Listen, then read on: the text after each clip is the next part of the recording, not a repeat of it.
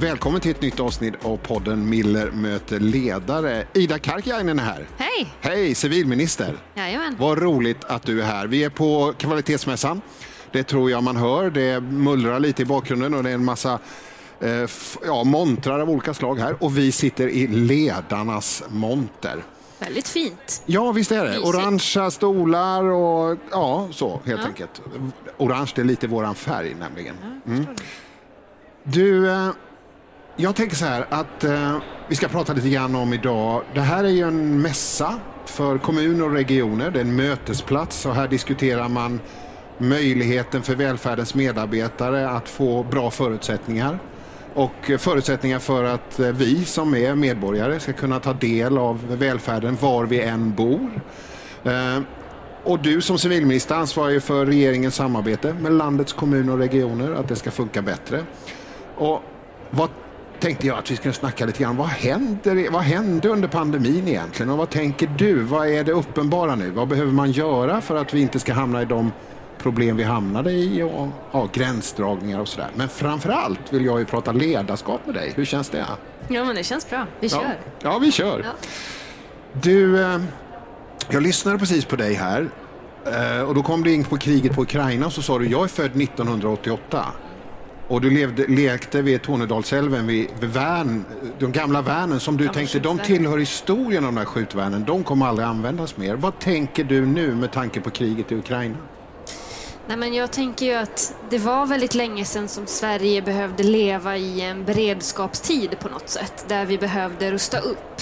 Eh, å andra sidan så har vi också varit med om pandemin, men man kan väl säga att pandemin och det som hände med Rysslands invasion av Ukraina, det är två lite olika saker. Det är kriser båda två, fast på olika sätt. Och när vi tittar på Rysslands invasion av Ukraina och vad det också får för effekter och för påverkan på det svenska samhället så börjar vi fundera nu kring livsmedelsförsörjning, hur har vi det med skyddsrummen egentligen? Låter Hesa Fredrik? Vad har vi för krigsplaceringar? Hur ser det ut med beredskapen för näringslivet om det skulle hända någonting? Vem är ansvarig för vad? Alla de här frågorna lyfts ju upp nu och diskuteras. Matkakoski, det är ju där du föddes, i Ja. Tornedalen. Eh, Det är gränstrakter till Finland. Påverkar det där dig nu när du tänker kring de här frågorna med den bakgrunden och den, de rötterna så att säga? Ja men absolut. Jag är ju född och uppvuxen då alldeles vid älven och på andra sidan älven som inte är så bred just där så ser vi ju Finland. Och vi har ju varit i ett och samma ställe. Många gårdar heter ju samma sak på vardera sida om gränsen och när det är sommar och riktigt lågt vatten då kan man till och med simma över till finska sidan. Kan du känna att det är vissa av oss inte riktigt förstår den där finländska kopplingen fullt ut? Till exempel i Göteborg eller i Stockholm och sådär. Ja, men jag tror att man kan ha svårt att förstå gränstrakterna framför allt och gränsproblematiken. Det såg vi inte minst under pandemin att men, regler som sätts upp från huvudstäderna, vare sig det handlar om Helsingfors eller Stockholm eller Oslo, eh, får en påverkan på gränssamhällen som man kanske inte alltid tänkte på. Det var ju jättebesvärligt för oss som är en så integrerad region, Haparanda och Torneå Ja. tillsammans. Vi har ju smält samman nästan till en och samma Ja. ort. Du, om man läser på lite om dig, så Tornedaling då. Eh, du var 26 år när du kom in eh, i riksdagen. Norrbottens yngsta riksdagsledamot 2014 för Socialdemokraterna in i kulturutskottet. Hur var det där? Det var ju jättespännande frågor. Jag var ju superglad som 26-åring att få komma in, men jag hade ju också ett, ett, engage, ett politiskt engagemang och ett samhällsengagemang, så det var ju verkligen en, en ära att få komma in i riksdagen. Jag trodde inte att jag skulle komma in heller, för att det var ju nämligen så att Sven-Erik Bucht blev landsbygdsminister och då fick jag ersätta hans plats Alltså i du, riksdagen. du, en e- du blev en ersättare där. Ja, jag, jag, jag hörde, du satt i pyjamasen hemma och lyssnade på, på regeringsförklaringen. Ja. Och Med min vad- nio månader eh, gamla dotter då, Ja. Liv, som, Ja. som eh, ja, Och vad, vad, vad hände i dig då när du förstår nu? Ja, men vad sa han? Det var precis det. Vad sa han? Eh, och sen började telefonen ringa och då var det från kansliet, från riksdagen som sa Hej Ida, varmt välkommen, grattis du har fått en riksdagsplats. Du måste packa din väska och bege dig ner till Stockholm omgående. Ja. Och det var ju verkligen, när jag satt på planet på väg ner till Stockholm från, då, eh, från Luleå, då, då rann tårarna. Både av, eh, såklart, jag var väldigt överväldigad och hedrad över att få komma in i riksdagen, för det är ju ett av de finaste uppdragen man kan få om man är samhällsintresserad och politiskt engagerad. Att få sitta i riksdagen som en av Sveriges 349 folkvalda. Mm. Eh, men jag var ju också väldigt bekymrad över hur det skulle gå att lämna min nio månader då gamla dotter som jag fortfarande ammade och grejer. Så det, var, mm, det var många känslor på samma gång. Hur ställde din partner upp i det där då? Nej, men utan Mattias hade det aldrig funkat. Det har ju alltid funkat klockrent, alltid jättebra. Så att jag kände aldrig någon oro där. Mm.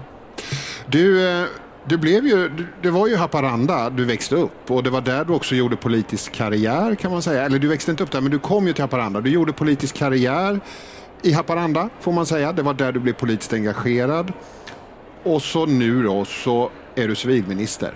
Eh, men jag har förstått att det fanns en blandsallad, det här kan ju låta lite konstigt, men det fanns en blandsallad på högstadiet ja. som gjorde att du blev politiskt engagerad. Ja. Jag ska förklara varför. Ja, ehm, det var det så jag tänkte. Då satt vi ett gäng elever i korridoren så här med armarna i kors och gnällde över skolmaten och gnällde framförallt över salladen. Och att det var just lite mix med, med blandsallader och i röror som ingen elev riktigt ville ta del av och äta. Och vi gnällde en hel del över det där tills vi var ett gäng som faktiskt kom på att nu har vi suttit och gnällt över det här ganska länge. Det händer ingenting. Det blir ingen, ingenting blir bättre. Vad skulle hända om vi istället samlade våra argument, eh, försökte gå och gick till skolmatspersonalen och, och drog de här argumenten och berättade att ja, men om vi skulle kunna få gurka i en skål, morötter i en skål och sallad i en skål istället så skulle fler elever äta sallad, det skulle bli bättre skolresultat. Så vi slipade verkligen på de där argumenten. Gick till skolmatspersonalen, pitchade vår idé och så sa de absolut, vi fixar det. Okay. Och nästa vecka var det så. Mm. Då, ble, då fick jag i alla fall en aha-upplevelse i att okej, okay, men istället för att sitta och gnälla över hur samhället är eller fungerar eller de problem man ser, så bara man engagerar sig så kan man faktiskt göra skillnad. Och det var precis det som hände. Men det roliga var nu när jag var till Avesta och eh, var på ett kommunbesök i eh, förra veckan. Då, var, då träffade jag gymnasieelever och de vittnade om exakt samma sak. Blandsallader i skolan. Detta är ett otyg. Det måste bort. Så nu vill du driva blandsalladens försvinnande i alla Sveriges kommuner? Ja, ja, precis. Ja. Men du, det här politiska engagemanget då, var det självklart för dig då att det skulle leda in i Socialdemokraterna? Nej, det var inte självklart. Jag visste ju kanske någonstans var jag var orienterad eh, riktigt. Jag hade en morbror som var politiskt engagerad i Socialdemokraterna och han föddes synskadad. Så han eh, följde ju jag under hela min uppväxt, morbror Stig. Han eh, vittnade också om hur viktigt det var med ett starkt samhälle som kunde finnas där för en när man, när man behöver det. Mm. Så det fick jag se på, på väldigt nära håll. Och, eh, men jag visste ändå inte riktigt vilket parti jag skulle välja så då efter gymnasiet kom jag in på eh, universitetet i Luleå, började plugga statsvetenskap. Och då läste vi om alla partiers ideologi och historia och värderingar. Och då blev det väldigt tydligt för mig att det finns, det finns bara ett parti som jag tror på och som jag tror har den bästa samhällsmodellen och det är socialdemokratin. Så då engagerade jag mig 2008 och eh, kom in i fullmäktige 2010 och riksdagen 14 och minister 21. Du, Innan du kom in på det här politikerspåret, eller kanske i samband med det, så var du ju väldigt engagerad i Ungdomens hus i Haparanda. Mm. Eh, vad, var det, vad var det där för hus och vad var det du lärde dig där? Vad, vad, vad är det du lärde dig där som du har nytta av som civilminister? På Ungdomens hus i Haparanda så var det ju både en fritidsgård i traditionell mening, det vill säga eh, ungdomar som fixade aktiviteter, höll på att mecka med bilar, eh, gjorde diskon. Vi åkte på lite studieresor, vi åkte på skidresor, vi eh, hade en kafégrupp och bedrev kaféverksamhet på kvällarna. Men vi hade också ett ungdomsråd som jobbade med politik för att aktivt försöka påverka kommunledningen i Haparanda kommun för att skapa bättre förutsättningar för unga. Så vi höll på med allt från klimatstrategier till att skapa ja, men, fritidsplaner och vi hade verkligen en nära dialog med kommunledningen för att försöka påverka olika frågor för att göra Haparanda kommun till en bättre kommun för unga. För unga har ju inte de som är under 18 har ju ingen rösträtt. Så då gäller det att försöka göra sin röst hörd på andra sätt och då var ungdomsrådet ett av de sätten. Mm. Uh, men vad, vad lärde du dig där? Är det någonting du har med dig nu? När du, jag menar, det är ju rätt lång väg från ett ungdomens hus i Haparanda till att vara civilminister i Sverige. Ja, men även där, det handlar ju om, om att kunna påverka och kunna påverka sitt samhälle.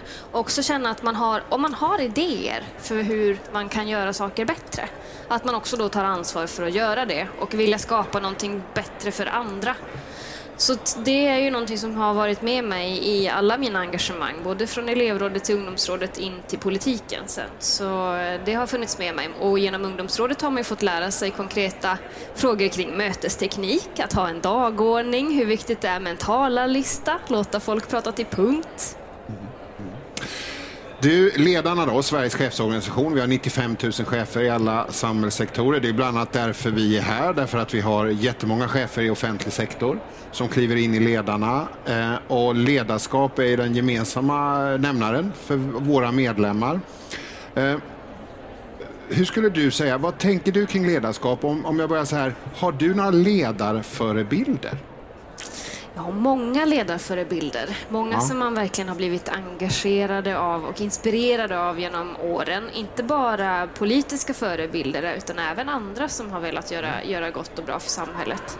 Eh, men om man ska ta politiska förebilder så tycker jag att vi har en ganska cool statsminister just nu som... Det var ett väldigt oväntat svar från dig. Men, men, om vi, men om vi skulle gå utanför det politiska landskapet då, vad har du för förebilder då? Ja, men, eh, vi har många, eh, svårt att komma på ett namn och så får man välja en bra ledare. Nej, nej, du får säga fler om jätte, du vill. Det är helt okej. Jätte, jättesvårt. Svårt, jätte, men okej då, vi återvänder till Magdalena. Vad inspirerar dig hos henne? Ja, men jag tycker att eh, det hon visar på både lyhördhet gentemot vad folk tycker och att eh, liksom, visa att vi bryr oss vad, vad folk tycker. Men också ta det här svåra ledarskapet i den här svåra tiden som man befinner sig i. Eh, det har ju varit väldigt eh, tuffa frågor som kanske inte hon heller förutsåg att de skulle dyka upp när hon blev utsedd till statsminister. Eh, men då också visa prov på ledarskap och att navigera i det här svåra. Det, det tycker jag är fascinerande att se. Det är väldigt inspirerande också. Hur tänker du själv? Du blir civilminister, du blir chef för ett departement, eh, men du är också så att säga, du har en politisk stab runt dig, du är en ledare, du är i en bemärkelse en chef. Vad, vad tänker du? Vad vill du som ledare att man ska uppfatta dig? Nu är det väldigt skönt att vi är tre ledare på Finansdepartementet, så det är ju Damberg som är chef, chefen. Ja, men du, ja. du är, så småchef kan man säga. ja, men du är, du är en mellanchef då kan man säga. Kan man säga. Ja, Nej, men du, du uppfattas ju av vissa tror jag som chef. Ja, det tror jag. Åtminstone vill... som en ledare. Ja, som en ledare. ledare. Och hur vill du då bli uppfattad? Det där är ju svåra frågor tycker jag att reflektera över därför att att, att, förstå det där ledarskapsrollen i politiken när man eh, ja, men kanske inte har, liksom, du har inte ett personalansvar på det sättet men du är ändå du är en ledargestalt. Jag, jag tycker det har varit svårt att ta sig an den rollen. För ledarfrågor är ju de allra svåraste frågorna som, som finns. Vad är det som har varit svårt? Men det är svårt. Man vill ju vara duktig, man vill vara perfekt, man vill vara en bra förebild, man vill vara eh, grundad, man vill kunna grejer och man vill bottna i frågor. Och att bli inkastad som, som minister, det är inte det lättaste för man får inte vara ny, ny ledare så, särskilt länge eller betraktas som ny på jobbet utan man förväntas ju kliva in och ta en ganska stor roll direkt. Det har varit väldigt eh, ja, men utmanande och svårt. Men hur gör du då? För det där kan ju många chefer hamna i. Eh, just det där att ja, men, smekmånaden kan vara ganska kort. Man behöver inte vara minister för att uppleva det som chef. Vad, vad, vad, vad, vilka, vad har du, hur har du jobbat med det då? Hur har du skapat dig kunskap? Hur har du skapat så att säga, möjligheten att kliva in i frågorna? Jag har en egenskap som är ganska bra och kommer väl till pass och det är att jag är ganska nyfiken och vetgirig. Ja. Eh, vill veta väldigt mycket om och försöker ta reda på hur saker funkar. Och jag tror att det där är en ganska bra grej när man kliver in som ny på en roll. Att man också låter det gå lite tid och att man verkligen försöker ta reda på hur grejer funkar. Och det är oavsett om man kliver in, vilken roll man än kliver in i, men att man lär känna de som jobbar med frågorna, lär känna sina medarbetare och att man verkligen också ger det lite tid. Det tror jag är viktigt att man, man, man kan gå in på, på djupet i vissa frågor och ge sig själv den tiden. Det tror jag man behöver. Men det är ju svårt i det här läget och svårt framförallt som minister för man har inte så mycket tid. Du, vi sitter på kvalitetsmässan här i Göteborg. Och eh, här är väldigt många chefer och här är väldigt många som är ansvariga för kommuner och regioner. Och eh, vi är ju här också för att lyfta ledarskapets roll och betydelse i offentlig sektor. Vi ser ju att det är helt avgörande. Men när vi gör studier på chefer i offentlig verksamhet och i synnerhet då i kvinnodominerade yrkesområden inom offentlig sektor så ser ju vi att kvinnorna har större grupper, större ansvar, eh, men ofta högre utbildade, men de har sämre betalt än män i mansdominerade områden inom offentlig sektor. Där har man mindre grupper, mindre ansvar, bättre betalt och ofta lägre utbildning. Vad, vad tänker du på att det ser ut så 2022? Ja, det är ju tragiskt. Men det är ju så det ser ut, inte bara i ledarrollerna, utan det är ju så samhället ser ut. Och ledarskapen och ledarpositionerna, de blir ju också Eh, såklart, för, alltså, hur samhället ser ut i övrigt påverkar ju även ledarskapet. Så det är klart att, att är det så att du har ett, ett större ansvar för hushållsarbetet eh, hemma eller tar ett större ansvar för projektledarfamiljen, ja men då, den där, de där systemen och de där strukturerna, de hänger ju också med i, i arbetet givetvis. Mm. Så menar du att, att vi har någon slags kollektiv projektion på kvinnor då? Att så att säga någon slags genustänk? Där, där gör ni hemma, då får ni göra det här också? Ja, men jag tror att strukturerna hänger med mm. eh, även, även där och även dit. Så det gäller ju att jobba eh, fokuserat och tänka på de här sakerna och fundera på ja, men hur fördelar vi arbetsuppgifterna egentligen på vår arbetsplats och vad får de kvinnliga ledarna göra jämfört med de, de manliga ledarna och varför skiljer det sig i, i arbetsuppgifter till exempel. Mm. Och vad tycker du då? Alltså när, vi, när jag pratar med, med, med forskare, chefer eh, och så, så och också utredare faktiskt. Göran Jonsson som ju var IF Metalls före detta ordförande, han var ju nationell samordnare för Vilja välja vård, alltså inom eh, äldreomsorgen. Och, eh, och han sa på ett seminarium som vi hade här att, att politiken har inte haft fokus på chefernas förutsättningar eller ledarskapets förutsättningar. Vad tänker du om den kritiken? Nej, men den är intressant att fundera över och reflektera kring. Jag, jag, tror att det finns också någon form av förväntan i att ledare ska vara och kliva in och vara redo att kliva in och att man, man inte behöver så mycket stöttning och uppbackning, men det behöver man ju. Man kanske eh, har ett väldigt stort ansvar och ansvaret för väldigt många människor också. Så det är klart att man behöver även uppbackning och stöttning som, som ledare och som chef. Mm. Och hur kan man då öka medvetenheten om det i politiken? Nej, men jag tror som, som det här. Ni är ju en fantastisk organisation bland annat för att lyfta frågor. Ja, bra. ja. Ja, ja. Du, vi kan ju inte komma undan då. Här märker man ju mycket på det här eh, seminariet, att, eller på den här kvalitetsmässan, så pratar man ju mycket om vad lärde vi oss av pandemin? Vad är det vi tar med oss in i framtiden och så?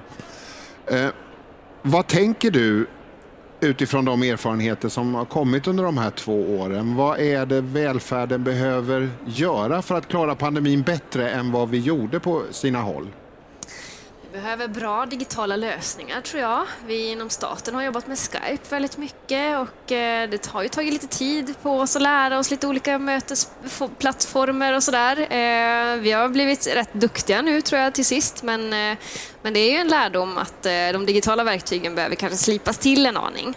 Sen tror jag också att vi behöver fundera på hur vi kan gå från liksom, jobbet. Att sitta och jobba hemma är ju en fantastisk möjlighet också. Jag tror att vi kommer att se mera sådana blandformer framöver, vilket också ställer krav på ledarskapen. För hur ska du jobba med en arbetsplats och leda en arbetsplats och ett arbetslag som, som, som jobbar delvis hemifrån men också på plats? Det där ställer ju utmaningar på ledarskapet.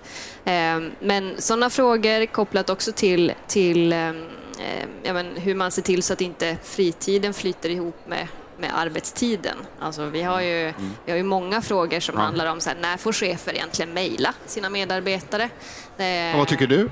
Nej, jag tycker man ska fundera på fundera på hur man gör och vad man, vad man är själv för förebild. Det kan ju vara väldigt många som är, blir väldigt stressade av att ens chef mejlar sent på kvällen och tänker att de förväntningarna kanske ligger på mig också, att jag ska jobba sent på kvällen trots att min arbetstid tog slut klockan fem eller trots att jag har, har små barn. Men, Men det, jag håller med dig om att man absolut måste diskutera det, men jag märker också att vissa chefer kan ju ha medarbetare som eller, och chefer också för den delen, som vill ha ett mejl för att veta vad det är de möter dagen därpå. Andra vill absolut inte ha det, så det kan ju vara ganska individuellt. Men det, det, viktigaste tror väl jag är väl kanske att man pratar om det. Hur ska vi ha det här och vad betyder det om vi skickar ett mejl på kvällen, vad är det för signal? Och, och, och, är det så att det funkar väldigt dåligt för någon, ja men då ska man väl sluta med det, tänker jag.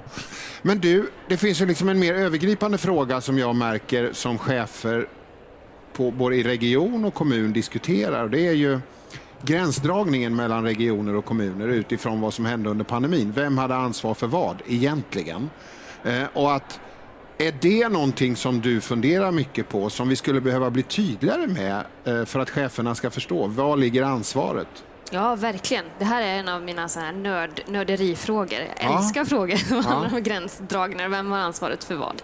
Eh, och det är ju så i vår statliga förvaltningsmodell där vi har haft en ganska långtgående delegering också av makt och inflytande till ja, våra myndigheter. Men vi har också det kommunala självstyret för vi tror ändå på att all makt ska inte ligga centralt hos staten utan vi måste ha makt lokalt och vi måste ge den lokala makten också möjlighet att bestämma över vissa saker saker såsom äldreomsorg och lite skolfrågor och eh, sin, sina liksom, rådighet över sin egen kommun och sin geografi. Eh, att staten skulle administrera allt det där, det är, det är en modell jag inte tror på. Jag tror att vi behöver ha en delegering av makten till kommuner och till regioner eh, för att sköta vissa uppgifter. Och det där gäller ju att, att eh, vi då, eh, när man delegerar makten utåt så är det ju också är också, det måste ju följas upp givetvis. Vi måste ju titta så att det fungerar väl och så att det inte skapas sådana här otydligheter i vem som bär ansvaret för vad. När det inträffar, inte minst när det inträffar en kris. Då behöver vi verkligen ha en ordentlig tydlig styrkedja. Och det tycker jag att pandemin lyfte upp väldigt många frågeställningar kring vem som bär ansvaret för vad eh, och i vilka, vilka skeden som, eh, som Men om du nördar ner dig i det här, vad, när kommer ni hinna lägga något förslag innan vallokalerna öppnar? Nej, men vi tittar ju på Coronakommissionens rapport givetvis och sen så analyserar vi också vad vi, vad vi kan göra. Eh, men jag tycker i grund och botten att vi har en förvaltningsmodell som fungerar väl. Jag tycker inte att vi ska skrota regioner eller att vi ska eh, hålla på med den typen av, av förändringar i våra system utan jag tycker att vi har en väldigt bra grund att jobba på. Sen behöver vi skruva i, i tydlighet i lagstiftning till exempel. Mm. Nu drar det igång en tv-studio här också, men vi, jag tror vi försöker överrösta den du och jag och prata på. Eh, du, eh, jag tänkte så här att vi pratar ju väldigt mycket också om chefers förutsättningar i offentlig sektor. Eh, och där beror det ju på vad vi kan se och jag ser och jag möter ganska många chefer som känner det att, att man köps ut med hänvisning till bristande förtroende många gånger. Eh, ganska hög omsättning på chefer. Och att, men det kanske, många gånger kan de uppleva att politiken offrar cheferna för att visa handlingskraft och för att visa att nu har vi gjort någonting. Vad tänker du om det där? Finns det en politisk lockelse i att göra det för att visa handlingskraft när man egentligen kanske borde titta på har cheferna haft rätt förutsättningar? Har de kunnat göra sitt jobb? Har vi gett dem en, en bra plattform? Vad tänker du? Det tänker jag är steg ett. Det är ju liksom hygienfrågan först, att man kollar på det steget. Steg två måste ju, eller det handlar ju om tillit också. Har vi, har vi, kan vi skapa tillit utifrån de här förutsättningarna som vi har tittat på? Är svaret nej, ja men då är det också svårt att vara chef i till exempel en politiskt styrd organisation. Eh, en kommun utser ju bara en chef egentligen och det är ju kommundirektören. Mm. Eh, alla andra chefer ska ju politiken helst hålla sig långt, långt borta från. Nej. Och det där tycker jag också är ett symptom på våran, våran tid, det vill säga att man vidtar ganska populistiska enkla lösningar för att peka på att det är tjänstemännens fel. Och det tycker jag också är att frånhända sig sitt politiska ansvar många gånger. Eh, där, man, där man verkligen kan göra förändring på politisk nivå, styrning och ledning istället för att peka på att, att det är chefer. Men jag tycker mig också se en tendens av att politiken backar undan lite grann och eh, inte tar det där ansvaret utan man puttar fram tjänstemännen som också får stå där i media och i tidningarna för att ta vissa frågor och berätta om jobbiga beslut när det egentligen hade behövt vara en politisk ledning som hade behövt göra det. Så jag tycker att den här tendensen är väldigt eh, otrevlig. Faktiskt. Vad, vad, vad tror du, vad beror den tendensen på att man skjuter fram tjänstemännen och inte tar det politiska ansvaret? Jag tror att det beror på att man som politiker kanske inte riktigt förstår sin roll. Man har eh, en idé om att eh, det är tjänstemännen som ska synas och höras i de här frågorna och som politiker är det ju det jobbigaste som finns, det är att ta ansvar för allt, inte bara för roliga saker. Men det är väl saker. det rollen går ut på egentligen? Exakt. Ja, men man måste ta ansvar för allting. Man måste ta ansvar för hur man har prioriterat verksamheter och resurser och fördelat. Eh, och det där, att inte ta det ansvaret och putta, putta fram tjänstemän att berätta och kommunicera om jobbiga frågor vid olika tillfällen. Det är ju också ett sätt att dels backa undan sitt eget politiska ansvar men dels att vara eh, ganska, eh, ja, men skapa en ganska dålig tillit till sin organisation och till både eh, chefer och medarbetare i sin verksamhet. Mm. Du, vi har åtta stycken riksdagspartier och nio partiledare. Av dessa är nu fem kvinnor eh, i Sveriges riksdag. Och statsministern, precis som du har sagt, din förebild är ju kvinna. Eh, tror du att det här kommer eh, att förändra politiken mycket? Jag tror att det kommer att förändra politiken eh, delvis. Jag tror också att det är eh, så att vi har ju jobbat med jämställdhetsfrågor under, under en väldigt lång tid och försökt lyfta upp de här sakerna. Och, eh, ledarskap kan ju också skilja sig åt både av könsmässiga aspekter men också på andra, andra typer av aspekter. Eh, så att, att, vara så, så hårdragen i att eh, säga att men, vi har en, en, eh, ett visst typ av ledarskap så kommer det att, och allt annat att falla på plats. Det måste ju, det måste ju ske förändringar strukturellt också på olika delar. Så att, ja, det, det finns ju Eh, spännande saker att se hur det blir med, med det framtida ledarskapet. Men jag kan ju vara lite orolig om man tittar på offentlig sektor också i hur det kommer att se ut med, med jämställdheten kopplat till att vi har ganska få män som kommer in. Ja. Så där behöver vi också ta en diskussion över hur ser vi på den frågan. Hur förändrar vi det då? Att, ja, det, det är som du säger, det är väldigt, dom, kvinnor dominerar ju som chefer inom offentlig sektor. Det kan vi också se. Hur får man fler män då att framförallt gå in i kvinnodominerade yrkesområden och bli chefer? För det är ju, det är ju framförallt där som männen inte är chefer. Nej, precis. Jag tror dels att det handlar om en utbildningsfråga. Redan i gymnasiet så väljer vi ju linjer ganska könsdominerat fortfarande. Tjejer väljer, väljer väldigt könstraditionella eh, yrken som, mm. som eh, är dominerat av kvinnor medan män gör lika så för, för eh, män. Så här har vi ju mycket frågor att jobba med, ända från gymnasienivå till sen utbildnings, eh, den vidare utbildningen i universitet, på universitet och högskolor till yrkesutbildningar och också sen vidare. För eh, det är klart att jag eh, som offentlig sektor som är till för alla människor så behöver vi ju ha en jämställdhet genom alla led. Det är inte bra om det blir en homogenitet. Mm. Då är vi inne på jämställdhet och då kan vi flytta ut oss från offentlig sektor in i näringslivet. Där kan man ju se att det går sakta, sakta åt rätt håll, men det går ganska långsamt ändå. Eh, vi ser ju att eh, i, i börsbolagens styrelser så är 73 procent män, eller i börsbolagens ledningsgrupper är det, ja 73 procent i styrelserna är män. Eh, 89 procent av de som sitter i ledningsgrupperna i börsbolagen, de är av väldigt traditionell svensk bakgrund. Vad tänker du om det där, att det går så långsamt i svenskt näringsliv vad det gäller jämställdheten? Det är trist att det går så långsamt. Jag tror att man genom att verkligen jobba strategiskt med de här frågorna kan få in fler. För det har man ju sett exempel på verksamheter som faktiskt har lyft upp den här frågan. Nu tänker jag, eh, LKAB är ett sådant exempel. Det är ju, inte, det är ju en väldigt mansdominerad bransch fortfarande. Men om man tittar på till exempel när de kom på att okay, men kan, om vi får in fler kvinnor som jobbar på LKAB, ja, men då skapar det väldigt många fördelar. Man kom ju bland annat fram till att tjejer som kör dumpers för det blir mycket mindre skador på, på okay. fordonen. Så här hittade man, man bra fördelar med att skapa ett mer jämställt eh, arbetslag till exempel. Ja. Och eh, precis på samma sätt så behöver man också fundera på ledningsnivåerna. Vad, vad, vad, innebär det faktiskt att vi har en homo, ganska homogen församling som styr och leder vår verksamhet?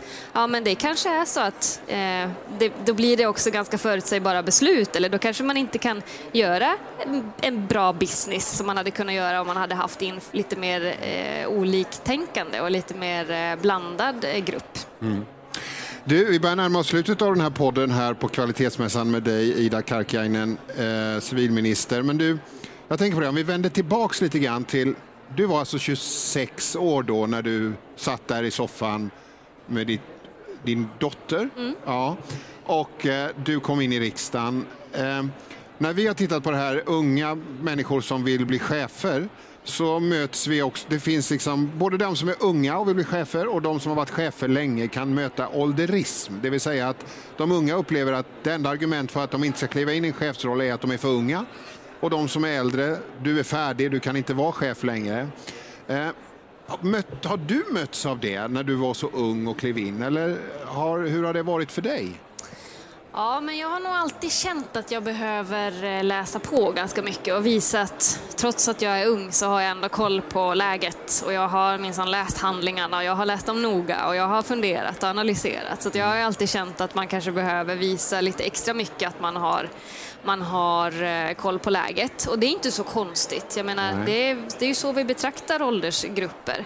Men sen, jag har ju alltid, jag har funderat mycket på ålderismen eh, tillsammans med, med andra kollegor. Jag jobbade med Eva Hedqvist Petersen bland annat på regionen och vi jobbade ja. med så här, hur kan man hur kan man se till så att 55-plussare också blir attraktiva på arbetsmarknaden? Det finns väldigt många fördomar om att bara för att man har fyllt 55 så är man sen eh, då, då, är man inte attraktiv längre på arbetsmarknaden. Och det är helt orimligt. Det är helt orimligt därför att jag menar, jag menar det är ju hellre jag menar, en 55-plussare. Om man, om det, jag träffade en företagare som sökte efter, han ville ha någon stabil arbetskraft som kunde gå in och jobba på företaget och så pekade han på en 35-åring. Jag bara, men 35-åring? Fattar du inte Kalle? Vi är mitt uppe i så här, bygga hus och skaffa barn och vi är vabbar och vi är, liksom, vi är borta.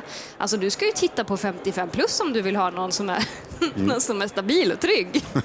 så det finns väldigt många fördomar om åldersgrupperingarna men det, även där tycker jag att det viktigaste är att vi faktiskt träffas och möts gemensamt över generationsgränserna. Det är inte bra om det bara sitter en massa 34-åringar i ett styrelserum och det är inte bra om det sitter en massa 65-plussare där heller. Nej. Vi behöver varandra och det uppskattar jag väldigt mycket genom åren med de, de ledarna jag har mött att, att eh, men vi kan tanka av varandra olika erfarenheter och egenskaper och det har varit värdefullt.